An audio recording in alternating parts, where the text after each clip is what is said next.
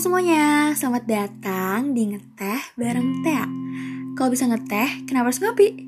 Podcast ini berisi tentang obrolan aku sama teman-teman aku atau sekedar ngobrol sendiri yang akan menemani teman-teman semua dalam beberapa menit ke depan tentunya.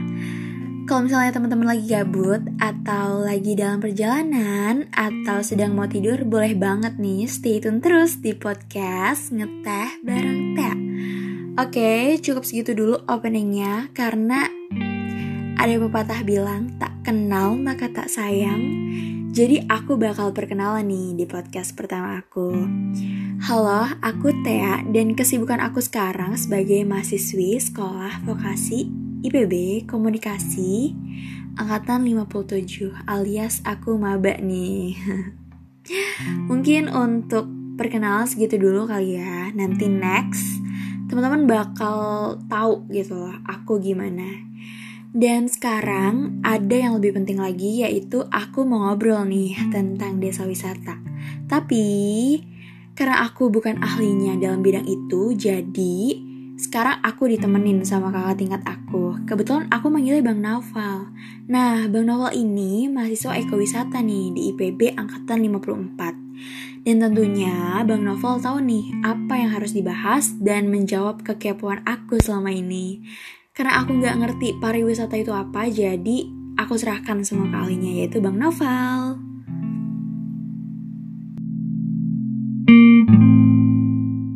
Halo, Assalamualaikum. Waalaikumsalam. Apa kabar Bang? Hmm. Alhamdulillah, baik-baik. Gimana nih kesibukannya sekarang apa?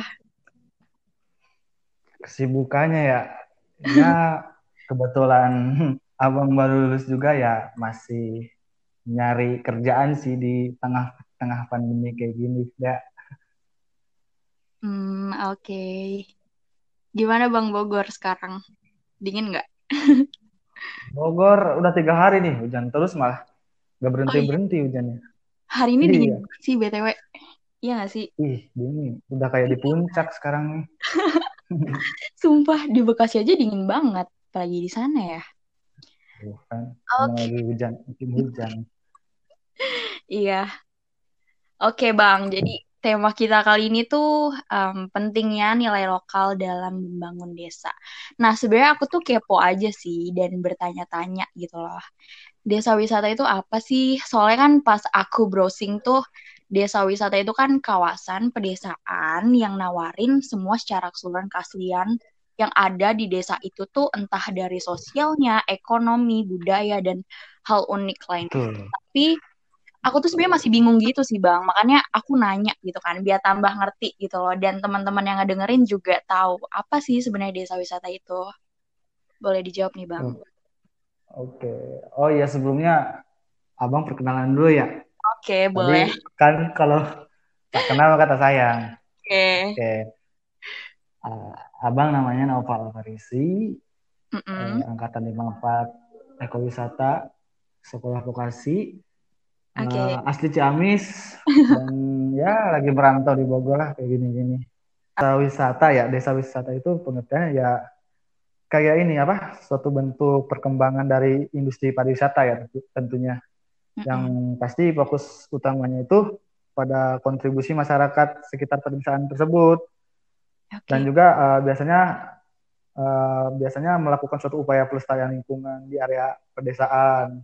Nah biasanya suatu desa wisata juga terdapat potensi dan komponen apa komponen pariwisatanya uh -uh. Nah, seperti kayak atraksi wisata ada akomodasinya akomodasi itu kayak apa hmm, hotel penginapan kayak gitu ada fasilitasnya. Ada makanan minuman mm mata dan kebutuhan wisata lainnya yang ada di desa tersebut. Nah biasanya juga desa wisata itu memiliki produk wisata yang sangat apa ya yang memiliki nilai tradisionalnya sangat kuat.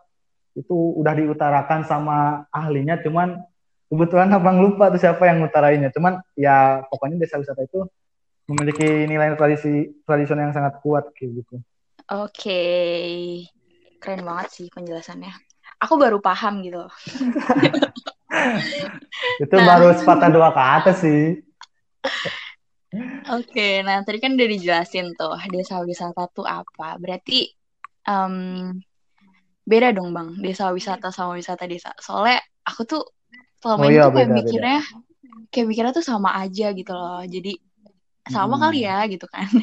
Cuman kayak dibalik kata doang ya. Uh -uh, aku pikirnya kayak oh ya hmm. udah hmm. gitu loh desa wisata ya udah gitu.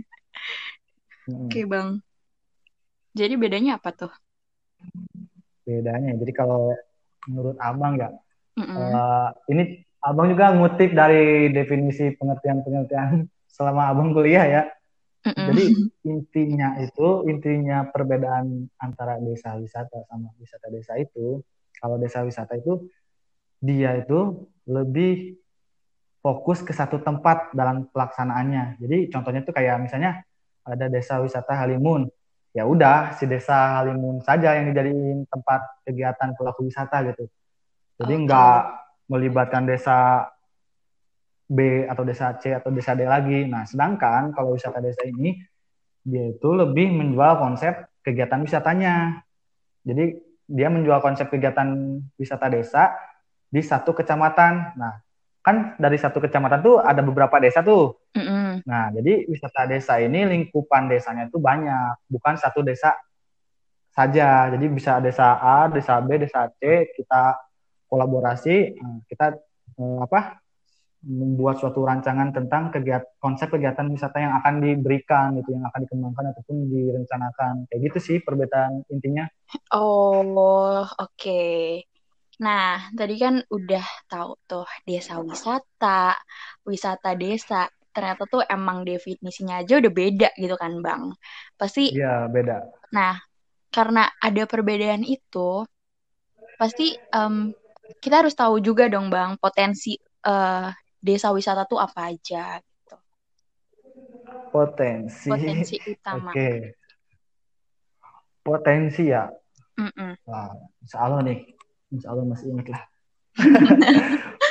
masih inget dong. iya. Jadi potensi desa wisata itu ya biasanya itu uh, berupa dengan potensi budaya ataupun dengan potensi alamnya. Iya. Nah, contohnya kalau potensi budaya ini biasanya seperti tradisi atau kebiasaan masyarakat sekitar si desanya itu yang biasanya dari nenek moyangnya gitu dari apa leluhur-leluhurnya yang biasanya uh, tujuannya itu dipertahankan gitu.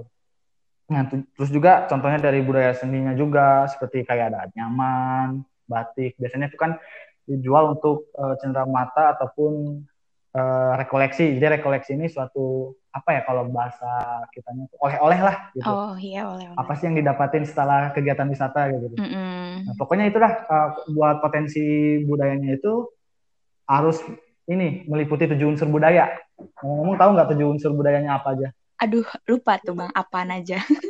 Alias nggak nah, tahu. Buat kalian-kalian yang belum tahu nih, jadi tujuh unsur budaya itu ada bahasa, mm -mm. ada pengetahuan, ada organisasi kemasyarakatnya, kayak gimana, teknologinya, ekonominya, mm -mm. religi, dan yang terakhir ada kesenian daerah tersebut. Kayak okay. gitu, itu unsurnya. Mm. Nah, kalau buat potensi alamnya, kalau buat di pariwisata itu biasanya berupa bentang alam. Mm. Nah, kalian kalian yang nggak tahu bentang alam itu apa, yaitu biasanya bentang alam itu berupa curug. Curug itu curug itu bahasa Sunda kan. Kalau bahasa Indonesia itu air terjun. Oh iya. Uh, baru tahu loh aku. Iya, curug itu curug itu bahasa daerah, bahasa Sunda. Oh. Kalau kalau apa ya? Seingat abang itu. Terus ada pantai, gunung, bukit, sungai, danau itu apa contoh potensi alamnya yang dapat dikelola menjadi uh, atraksi desa wisata tersebut kayak gitu kalau potensinya. Oh, keren banget sih. Aku baru tahu, sumpah. Aku baru tahu, sumpah. ya, apa ya? Karena ya mungkin kan ekowisata itu ya, dan juga hmm. ekowisata itu di Indonesia katanya, katanya cuman di PB doang katanya tapi ada beberapa lagi sih di kampus lain cuman uh -uh. yang yang terkenal di ya Pulau Jawa katanya di IPB ya mungkin ilmunya masih masih jarang gitu ya seru banget ya ekowisata tuh. Ya gitulah. Ada serunya ada dukanya juga. Macam-macam pokoknya. Keren banget sih. Jadi um, aku juga uh, mandangnya tuh kita sebagai mahasiswa tuh pasti kan harus banget nggak sih uh, melestarikan apa yang udah ada ya nggak sih bang? Kayak betul, kayak betul. kearifan lokalnya dan lain sebagainya gitu loh. Nah aku tuh mau nanya um, pandangan abang sendiri nih sebagai mahasiswa terhadap pengembangan dan perencanaan desa wisata tuh sebenarnya perlu atau enggak sih bang? Pandangan abang terkait sebagai mahasiswa gitu ya. Iya. Jadi posisi abang sebagai mahasiswa nih. Iya nih. Kita kan mahasiswa gitu. ah, iya mahasiswa. Kalau kata abang sih sangat perlu banget ya karena di tiap-tiap desa itu jarang sekali mempunyai potensi ininya apa sumber daya manusianya hmm. yang sangat tahu menahu soal desa wisata. Iya. Yeah. Karena banyak uh, stakeholder atau SDM SDM dari desa itu biasanya bukan lulusan murni dari si wisata atau pariwisata biasanya sih. Oh. Nah makanya nih makanya sambil branding prodi abang boleh nih. Boleh boleh. Nah makanya adanya jurusan ekowisata ini di sekolah vokasi IPB sangat penting eh, terutama dalam upaya mengembangkan dan memajukan desa yang memiliki potensi wisata. Mm -hmm. Nah, contohnya di kalau di EKW ini beberapa mahasiswanya itu praktik kerja lapang atau tugas akhirnya itu ada yang ditempatkan di suatu kecamatan. Mm -hmm. Nah, tugasnya itu biasanya untuk mengekspor semua potensi-potensi desa mana saja yang dapat dijadikan pengembangan atau perencanaan ekowisata desa. Jadi mereka tuh diterjunin ke satu kecamatan nih, misalnya kecamatan Ciamis. Yeah. Nah, iya. terus dia harus ngekspor nih ke desa Dewasarinya, terus desa Pawindan. Nah, itu harus diekspor tuh sama si mahasiswanya. Nah, terus setelah mengekspor itu biasanya outputnya itu si mahasiswanya bisa memberikan suatu inovasi atau kolaborasi atraksi desa wisata dengan cara membuat kayak program wisata. Nah, terus uh, didukung oleh media luarannya kayak kita tuh nanti buat kayak video advertising, kayak video promosi, poster, leaflet dan lain-lain ya. Tujuannya ya itu dia untuk mengembangkan atau merencanakan si desa wisata tersebut. Kayak gitu sih. Wow, keren ya, banget. banget. Keren banget sih. Aku jadi ya, kok aku jadi tertarik gitu ya masuk ekowisata. Ya, boleh daftar ulang lagi semester depan. Oh gitu murtad dari komunikasi gitu. Oke, tadi udah dijelasin juga tuh gitu pandangan mahasiswa yeah. gimana. Nah, udah tadi dijelasin hmm. tentang pandangan mahasiswa. Sekarang aku pengen tanya um, peran masyarakat lokalnya tuh terhadap desa wisata tuh kayak gimana sih? Oke, peran masyarakat lokal ya. Yeah. Kalau menurut abang uh, peran masyarakatnya lokal itu harus ya pertama ya harus mendukung gitu dengan adanya kegiatan desa wisata gitu. Ya itu udah mencakup segala aspek yang harus dilakukan gitu agar terciptanya suatu desa wisata yang baik tentunya. Karena uh, sebagai contoh besarnya nih uh, masyarakat itu harus siap dia tuh memiliki uh, apa ya jiwa etika pelayanan yang 5S itu tuh tahu nggak sih? Senyum, yang senyum, sapa. salam, ya Nah, salam sapa sopan santun. dan santun. Okay. Nah, terutama ke si ya itu tuh etika pelayanan 5S itu ya masyarakat si yang ada di desa wisata itu harus siap dengan adanya pengunjung wisata yang datang gitu. Jadi nggak songong-songongan lagi si masyarakatnya. Kalau songong-songongan mah yang ada si pengunjung wisatanya malah kabur gitu kan. malah nggak nyaman. Nah, kayak gitu-gitu. Terus masyarakat juga harus siap kayak dalam segi keamanannya dan keselamatannya contohnya kayak adanya siskamling gitu ataupun adanya P3K buat keselamatan pengunjung kalau ada apa-apa di jalan atau di daerahnya tersebut gitu. Dan juga kayak eh, apa ya persaingan usaha. Nah biasanya persaingan usaha ini eh, masyarakat tuh tidak tertib, tidak tertib tuh biasanya suka sirik-sirikan nih warung ini murah, warung yang B mahal. Nah biasanya sering ada ya cekcok-cekcok lah soal-soal ekonomi ya. oh. ya dengan adanya destinasi wisata di desa tersebut. Mm.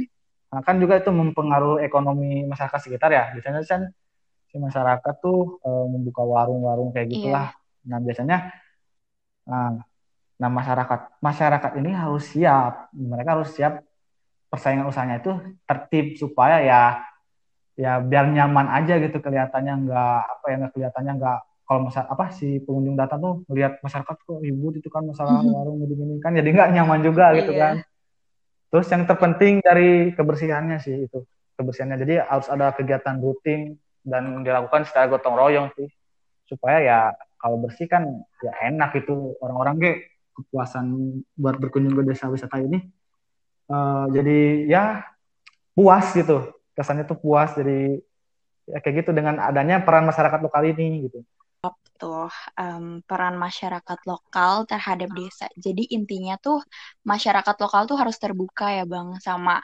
um, wisatawan yang datang dan dia harus tadi yang paling penting tuh 5 S ya nggak sih bang? Iya itu ya kalau dari etika pelayanannya kayak gitu. Ah oke. Okay. Gitu. Terus apa lagi ya?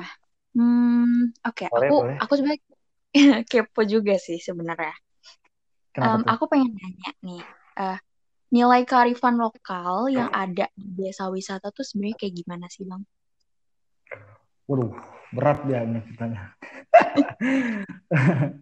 gitu. Uh, kalau menurut Abang, nilai kearifan lokal ini biasanya menyangkut banget sama budaya ya, terutama di iya. adat, di adat dan kebiasaan yang udah apa ya udah telah mentradisi gitu deh di masyarakatnya itu. Udah mm -hmm. jadi udah secara turun temurun hingga saat ini. Nah terus masih dipertahankan tuh keberadaannya sama si masyarakat. Nah biasanya ini kalau wujud kearifan lokalnya ya yang ada di dalam kehidupan masyarakat ini biasanya ya apa ya hmm, kehidupan masyarakatnya itu mengenal baik dengan lingkungannya terus masyarakatnya itu hidup berdampingan dengan alamnya itu secara harmonis. Terus okay. juga kayak memahami cara memanfaatkan sumber daya alamnya itu secara arif dan bijaksana. Jadi enggak uh, jadi sementang-mentang ada apa ya curug terus uh, mereka olah sedemikian rupa kayak apa jadi kayak bagus itu dan dia tidak apa ya tidak mengerti aspek-aspek ekologinya kayak gitu terus uh, kearifan lokal dalam wujud pengelolaan sumber daya alamnya ini uh, pokoknya tuh harus menitik beratkan pada wujud konservasi masyarakat. Jadi si masyarakat tuh nggak semena-mena dalam mengelola si desa wisata tersebut. Ya meskipun ada naungannya si pemerintah gitu kan. Makanya di sini harus si dua stakeholder ini harus kerjasama gitu supaya ya nilai kearifan lokal di desa wisata ini nggak hilang gitu. Dengan adanya suatu edukasi dari dari pemerintah kepada masyarakat supaya masyarakat paham betul gitu apa yang harus dikelola nih apa yang harus dikerjakan supaya ya nilai-nilai kearifan lokal itu nggak hilang. Kayaknya sih kayak gitu sih. Ya oh berat juga ya jawabannya. Ya kayaknya sih itu kayak. Oke. okay. Nah menurut pengalaman aku... pribadi gitu Oke, karena aku keponya terlalu dalam mungkin ya. Jadi nggak apa-apa, sama-sama belajar kan? Oh iya, sama-sama belajar. Kayak aku yang belajar di sini. iya, abang juga untuk belajar untuk uh, diwawancarain juga, kayaknya kayak oh, gitu. gitu. Kita kan ngobrol bang, gak wawancara nih. Oh iya, kita ngobrol ya. Oh iya, ngobrol aja ya. ya. iya. Bener bener bener. Oke, okay. um, aku mau nanya juga nih. Hmm, akulturasi budaya. akulturasi budaya berat lagi. Oke, okay, aku mau nanya. Um, apakah di dalam kegiatan desa wisata itu terdapat akulturasi budaya? Akulturasi budaya kan pencampuran ya, Bang? Iya, perpaduan, perpaduan. Oh ya, iya. sama sih. Oke. okay uh, akulturasi budaya itu pasti ada ya karena ya peng, biasanya pengunjung wisata itu ya bukan dari daerah-daerah itu doang ya pasti ada dari daerah luar daerah kayak dari Pulau Sumatera kalau yang desa wisatanya di Jawa ya ada yang dari hmm. Kalimantan bisa jadi ataupun dari turis mancanegara kayak gitu kan. Uh -uh. Nah, akulturasi itu pasti ada perpaduan antara dua budaya itu ya. Contohnya aja ini apa? Kayak di akulturasi pertunjukan budaya sakral. Jadi kayak gini. Jadi si desa wisata ini mempunyai atraksi wisatanya itu dalam pertunjukan budaya. Nah, si pertunjukan budaya ini kan sakral. Mm. Nah, si pertunjukan budaya sakralnya ini dijadiin buat atraksi wisata yang dijual kepada si uh, pengunjung wisata. Nah, itu tuh udah uh, apa ya? Udah termasuk ke dalam akulturasi. Jadi pertunjukan budaya sakralnya ini dalam budaya si daerah desa wisata tersebut dan atraksi wisatanya ini untuk keperluan budaya pariwisatanya sehingga dikolaborasiin lah e, budaya sakral mereka yang harus dijual budaya sakral si desa wisata tersebut nah dijual dan dijual ke dalam budayanya pariwisata. Nah, budaya pariwisatanya itu apa? Nah, ini atraksi wisata. Biar si pengunjungnya tahu soal budaya sakralnya tersebut. Kayak gitu. Ngerti gak sih maksudnya? Oh iya iya paham paham. Nah, dan biasanya itu akulturasi itu ada positif dan negatifnya juga gitu. Nah, dengan positifnya contoh dengan adanya pertunjukan budaya ini sebagai atraksi wisata, mm -hmm. si budaya de di de daerah tersebut otomatis terkenal, iya. bisa dikenalin sama orang, uh, mm -hmm. dan juga bisa apalagi orang-orang kepo dan ah gue mau nih ah gue mau apa kayak gitu gimana sih caranya ya, otomatis kepo kan ke daerah uh, ke masyarakat situ kan nah itu bagusnya mm-hmm. untuk pengetahuan juga nah kalau neg- negatifnya itu kadang-kadang suka ada kalau yang berat itu biasanya tiba-tiba ada yang ngeklaim dulu pernah kan kasus yang ngeklaim budaya kita di Indonesia diklaim sama negara lain gara-gara yeah. ya karena budaya nah, karena orang-orang udah tahu dengan adanya budaya sakral tersebut yang dijadiin atraksi wisata otomatis orang-orang tahu kan karena udah dijual gitu nah, hmm. nah tiba-tiba ada yang klaim gitu kan kan nggak boleh sebenarnya nah itu negatifnya kayak gitu sih contoh-contohnya boleh di spill nggak tuh bang siapa yang ngeklaim Eh, itu nanti takut kena copyright gitu ya kali. Oh, gitu ya. Atau aku yang nge Soalnya kalau, soalnya kalau udah masalah negara ini berat sih. Oh, gitu. ada juga sih ini apa? Uh, contoh kecilnya juga ada nih, kayak dari bahasa. Mm -mm. Nah, kayak dari bahasa. Biasanya kan yang orang-orang Bali itu ya kan dia punya bahasa daerah sendiri dengan adanya turis mancanegara dia jadi harus membiasakan bahasa Inggris supaya bisa melayani si turis tersebut gitu. oh, jadi iya. dipaduin lah Keren nah, kayak sih. gitu sih contoh kecilnya ya makanya ada positif negatifnya juga oh keren banget ya pikiran aku sekarang jadi terbuka gitu loh bang jadi membuat desa wisata gitu ya iya atau gitu. gimana Enggak, pengen jalan-jalan aja. Oh, boleh. Jadi sebagai pengun apa pelaku wisata jadi judulnya. oh gitu. iya, karena kan kamu katanya mau jalan-jalan aja katanya. Oh, beda juga ya. Pengunjung.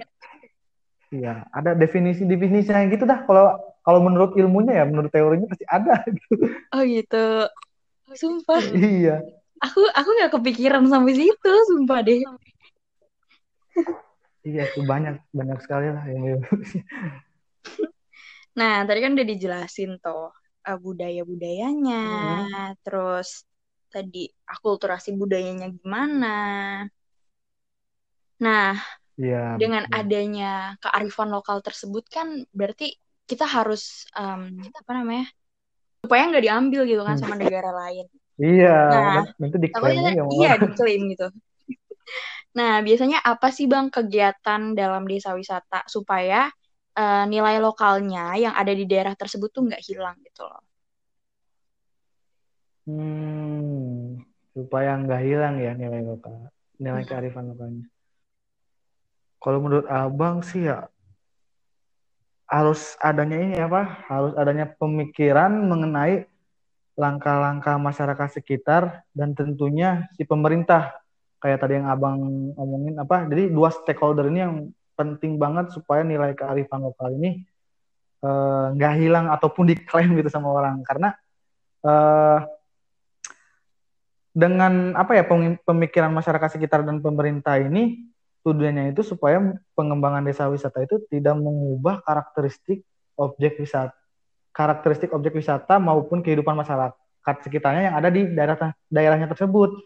Mm -hmm. Nah, jadi uh, si kedua stakeholder ini, si pemerintah masyarakat ini harus benar-benar uh, mengupayakan agar dipertahankan gitu si produk wisatanya yang mau dijual itu nilai kearifan lokalnya itu nggak hilang ataupun nggak dicuri sama orang gitu. Jadi yang biasanya kan yang punya apa ya bu, bukan melebihkan sih jadi kayak si masyarakat punya ilmu sendiri tentang si nilai adat apa tradisi-tradisi nenek moyangnya. Uh-uh. Nah si pemerintah ini ya mungkin dia dalam segi pariwisatanya kayak gimana nih?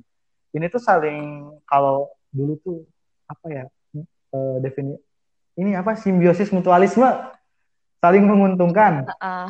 Antara Nah, jadi mereka itu harus benar-benar mengupayakan supaya tidak hilang dengan cara ya pemikiran-pemikiran tadi uh, kenapa harus dijaga, kenapa harus dipertahankan. Nah itu iya, tuh si dua stakeholder ini yang harus berperan penting gitu ya menurut abang. Oke, okay.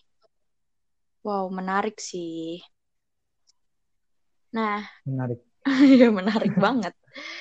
Nah, aku tuh baru tahu gitu kan apa itu apa sih desa wisata, pariwisata, semuanya segala macam tentang wisata-wisata kayak gitu. Karena selama ini kan kayak aku jalan-jalan juga ya aku nggak mikirin gitu loh. Yang penting happy ya nggak sih bang? Ya ya udah happy iya, aja. iya benar sih. Nah iya. untuk anak-anak di usia kita apa mm -hmm. milenial nih Gen, Gen Z ha, nah iya. Gen iya. Z Betul. Ah ya, anak-anak milenial tuh kayak kurang gitu kan pengetahuannya tentang kayak gini tuh kayak yang penting jalan aja gitu kan, gas gitu. Nah, benar, benar, benar. sebagai milenial tuh eksistensi desa wisata tuh menurut aku tuh masih belum kelihatan gitu loh. Nah, menurut abang sendiri nih, oh, iya. Cara apa aja sih yang dapat dilakukan untuk uh, nge-branding gitu loh desa wisata supaya lebih dikenal gitu terkenal sama uh, uh, kalangan yeah. milenial saat ini. Hmm. Ini generasi generasi TikTok nih ya sekarang ini. Oke. Kalau kalau menurut abang ya, uh, emang emang bener sih pada realitanya itu desa wisata tuh masih kurang di soal branding. Mm -mm. Karena ya masih itu tadi baik tadi si sumber dayanya sumber daya manusianya ini kurang kurang paham kan sekarang zaman milenial gitu kan sekarang tuh apa-apa teknologi apa apa-apa digitalisasi kan nah ya walaupun ada beberapa yang sudah melakukan upaya dalam branding gitu dengan cara ya membuat sosial media lewat Instagram, Facebook ataupun lewat Twitter dan sekarang yang baru-baru ini lewat TikTok kayak gitu juga ada biasanya tuh. Mm -mm. Nah branding di desa wisata ini kenapa nggak terkenal?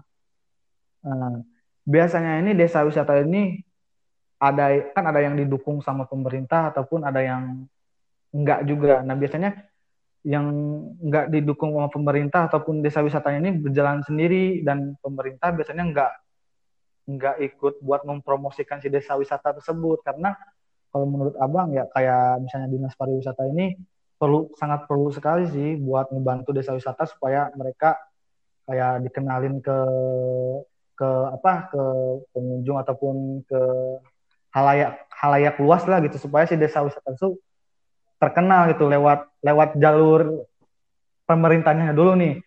Nah, kalaupun lewat si yang pengelolanya desa wisata tersebut, kalau menurut Ambang tuh kurangnya kayak kurangnya apa ya sayembara gitu sih. Jadi bukan sayembara ya lomba gitu. Biasanya kan kalau orang-orang ngepost foto ataupun ngepost video di sosial medianya masing-masing itu kan rata-rata di tempat wisata kayak gitu kan. Mm -mm. Nah, kalau di desa wisata ini orang-orang tuh kan pengen ngetag uh, si tempat wisata si tempat desa desa wisatanya ini kan ataupun uh, ngasih lokasi itu di atasnya biasanya suka ada tuh.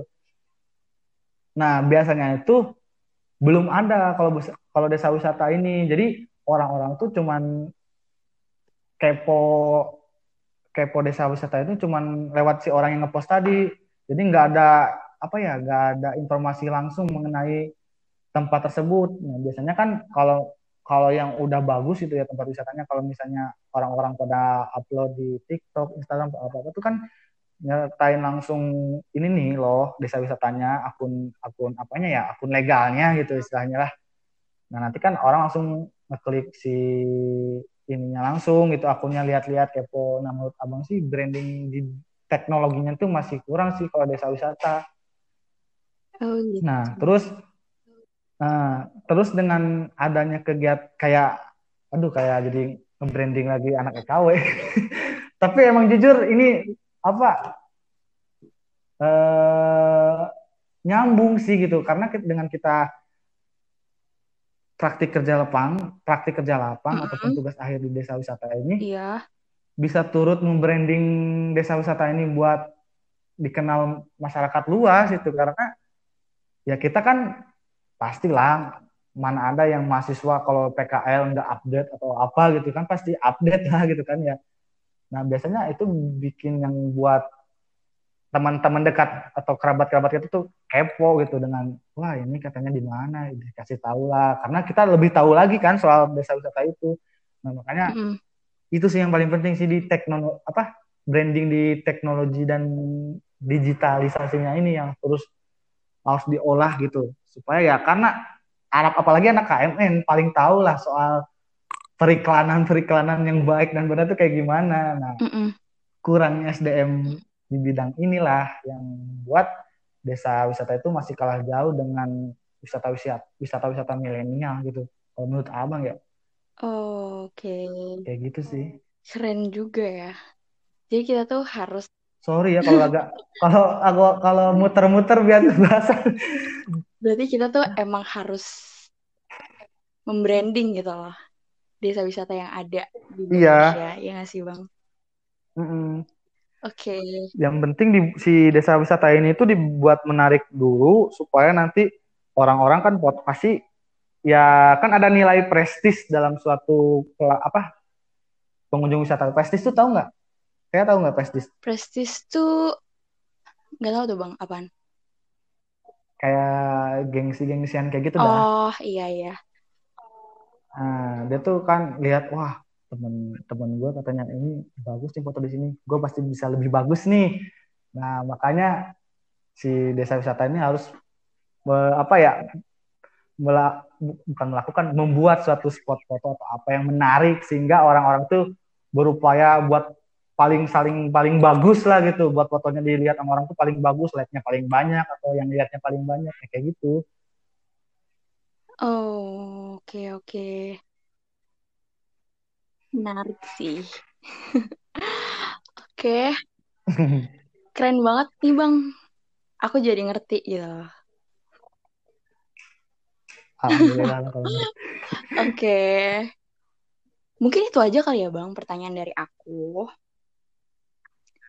Oh, boleh, boleh. Kalau teman-teman ada yang mau nanya lagi, boleh banget nih di add Instagram abangnya apa bang?